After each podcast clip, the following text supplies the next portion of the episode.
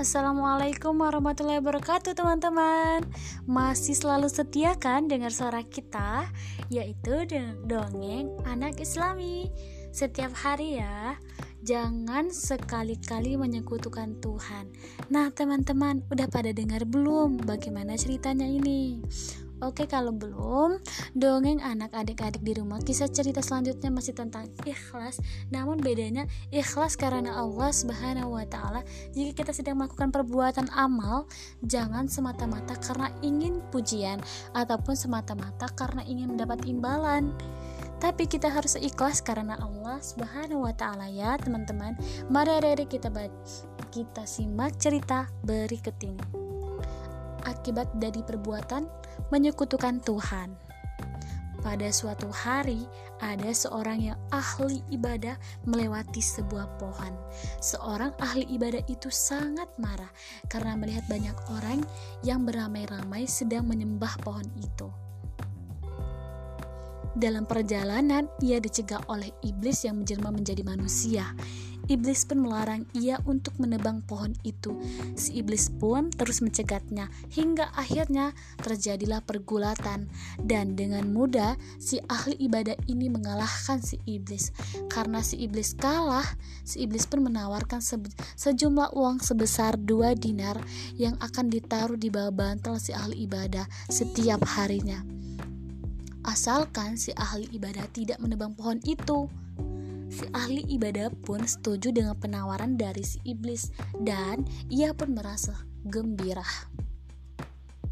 Namun, suatu hari ia tidak menemukan lagi uang yang dijanjikan si iblis di bawah bantalnya. Kurang ajar, aku ditipu. Sekarang aku akan kembali menebang pohon itu, seru si ahli ibadah dengan kekesalannya.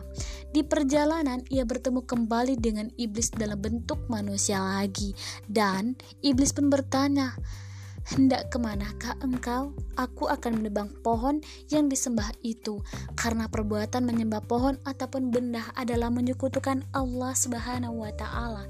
Jawab si ahli ibadah, "Bohong, engkau berbohong.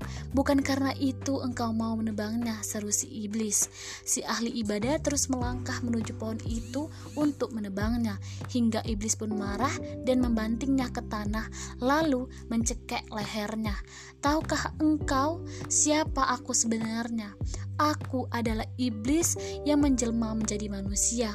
Engkau datang pertama kalinya ingin menebang pohon itu semata-mata karena Allah Subhanahu wa taala hingga kau bisa menang dariku. Lalu aku menipumu dengan uang dua dinar dan sekarang kau melawanku karena uang bukan karena Allah hingga kau dapat aku kalahkan. Nah, teman-teman, hikmah dari cerita akibat menyekutukan Tuhan teman-teman yang baik ternyata jikalau kita melakukan sesuatu bukan karena Allah maka itu akan mudah sekali menyerah dan bahkan kita kita akan sangat mudah sekali dikalahkan. Oleh karena itulah jika kita mengerjakan sesuatu amal harus dengan ikhlas dan karena Allah.